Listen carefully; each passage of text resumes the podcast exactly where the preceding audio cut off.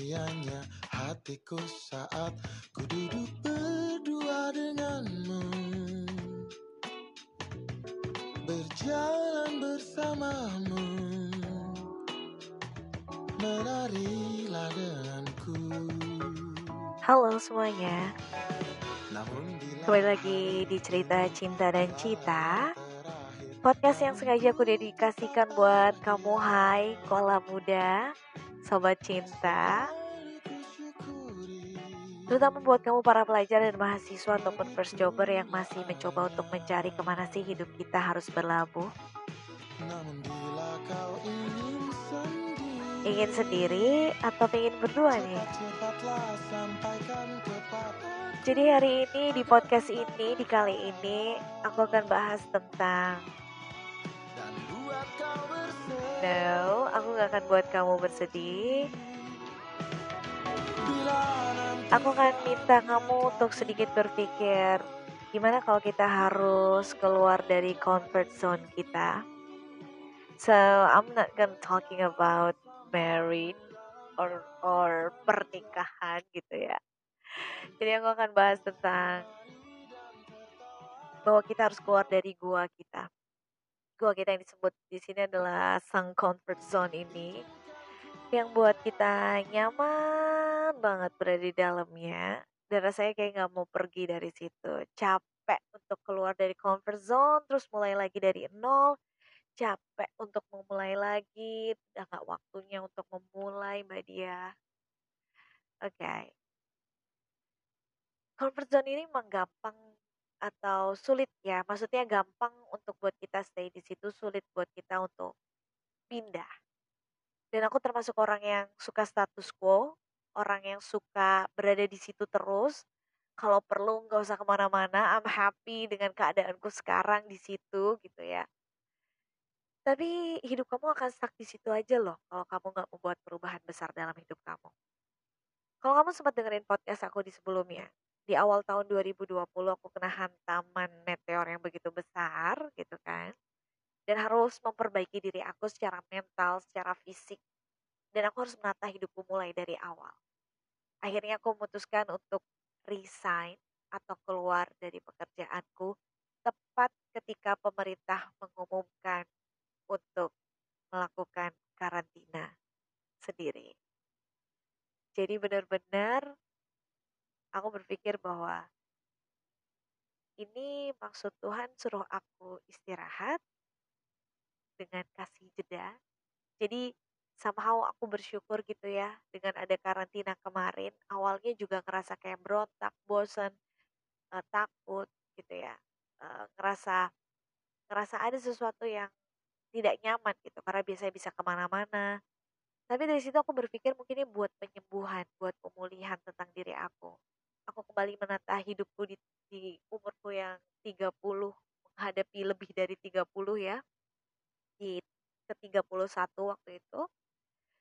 Di situ aku berani memutuskan diri untuk kayaknya aku harus keluar deh dari pekerjaanku. Di mana waktu itu em, aku udah bekerja lima tahun, aku udah memasuki posisi atau jabatan yang sebenarnya cukup strategis, bagus, eh, penghasilan yang bagus, hmm, lingkungan yang mendukung. Tapi waktu itu aku memilih untuk kayak aku harus keluar.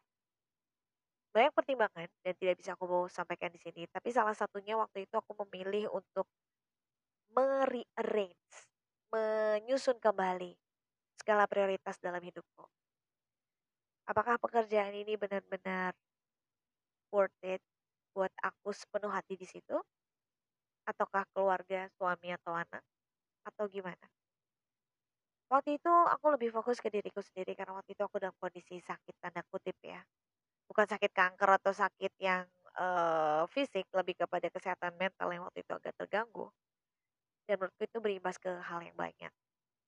Kayaknya aku waktu itu dua minggu atau berapa aku sempat turun hmm, tiga, empat atau lima kilo dalam waktu singkat karena benar-benar nggak nggak nggak apa nggak nafsu makan, nggak nggak happy lah namanya orang nggak happy gak sih kayak kamu putus cinta tapi putus cintanya itu bener-bener yang kamu nggak tahu karena apa Gitu. Jadi kamu sedih, kamu ngerasain kayak putus cinta, rasanya sesek kayak pengen di kamar terus, kamu berurai air mata, kamu marah, kamu emosi tapi nggak tahu karena apa. Dan cuman obat yang bisa bikin tenang waktu itu. Jadi aku fokus untuk menyembuhkan diriku, fokus untuk melihat kembali siapa aku, apa yang aku mau.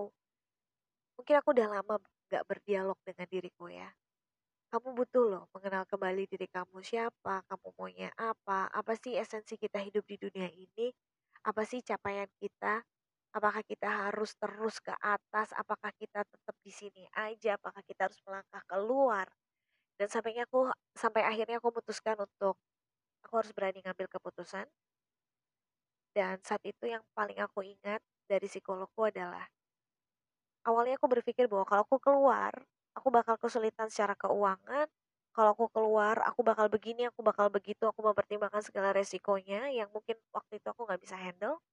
Lalu psikologku bilang gini, belum tentu, belum tentu ketika kamu keluar kamu tidak akan uh, akan mengalami apa yang kamu sebutkan. Tapi belum tentu juga ketika kamu memilih untuk keluar atau resign atau keluar dari comfort zone itu kamu akan merasa lebih bahagia. It's all about 50-50, ya kan? Karena kita mikir di comfort zone itu adalah kalau aku keluar, nanti aku akan begini, begini, begini. Belum tentu. Semua kejadian di dunia ini yang pasti hanyalah ketidakpastian, ya kan? Semua change apa pun yang kita pilih, kemungkinannya 50-50. Yang bisa kita lakukan adalah work hard, push ourselves till the limit, melakukan sebaik mungkin, berusaha keras, tinggal Tuhan nanti yang menentukan kayak gimana. Saat itu, yang biasanya aku benar-benar mempertimbangkan dari A sampai Z. Membuat ulasan, uraian, persentase, matematis lah pokoknya deh.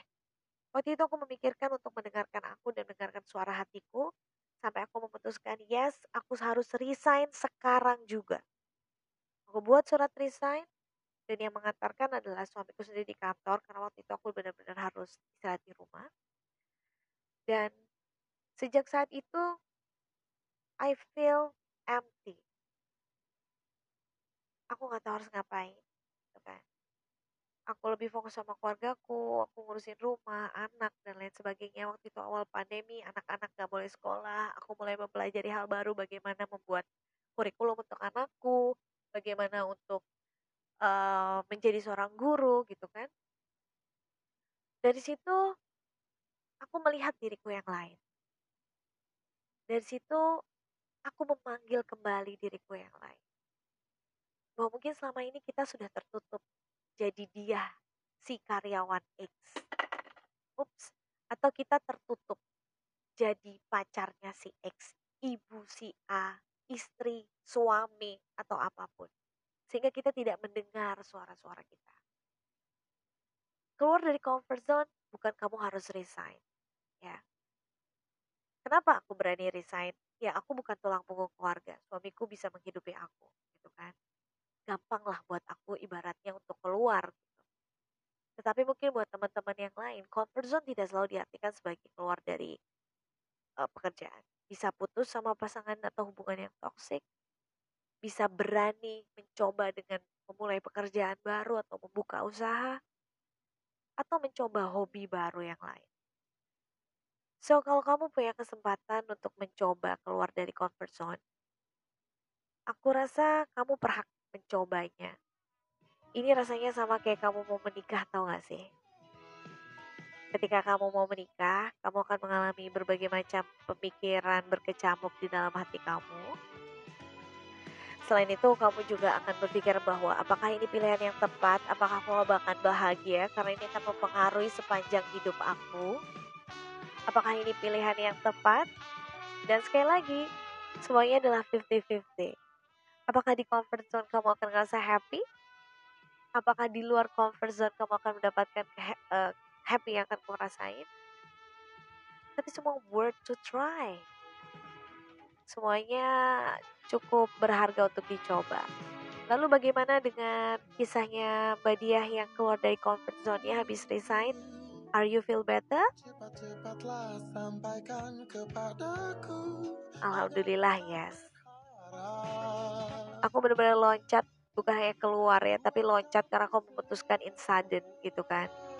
Aku keluar, aku resign, aku off, dan waktu itu karantina, jadi aku bener-bener terhempas keluar gitu ya. Aku nggak ketemu teman-teman, aku nggak keluar untuk cari refreshing or something. Aku bener-bener bertapa di rumah, berpikir what should I do, what will I do, apa yang aku mau, dan lain sebagainya. Sampai akhirnya aku memberanikan diri untuk membuka sebuah bisnis, Aku memberanikan diri untuk membuat sebuah podcast. Aku memberanikan diri untuk melakukan apa pun yang selama ini ingin aku lakukan. I call it as passion project yang udah berdebu kayaknya atau udah lama gak pernah aku sentuh. Aku mulai kembali mengenal diriku lagi. Aku mulai mencari lagi apa yang sebenarnya bikin aku happy. Aku menemukan kembali cintaku sama pasangan aku dan aku tahu harus bagaimana menjadi diriku. Istriku. Aku mau jadi istri kamu, Kang. so, what I wanna say is, kadang kesempatan gak datang dua kali, guys. It's okay buat kamu untuk meloncat keluar ke dalam dunia yang baru yang beda banget dari comfort zone kamu selama ini.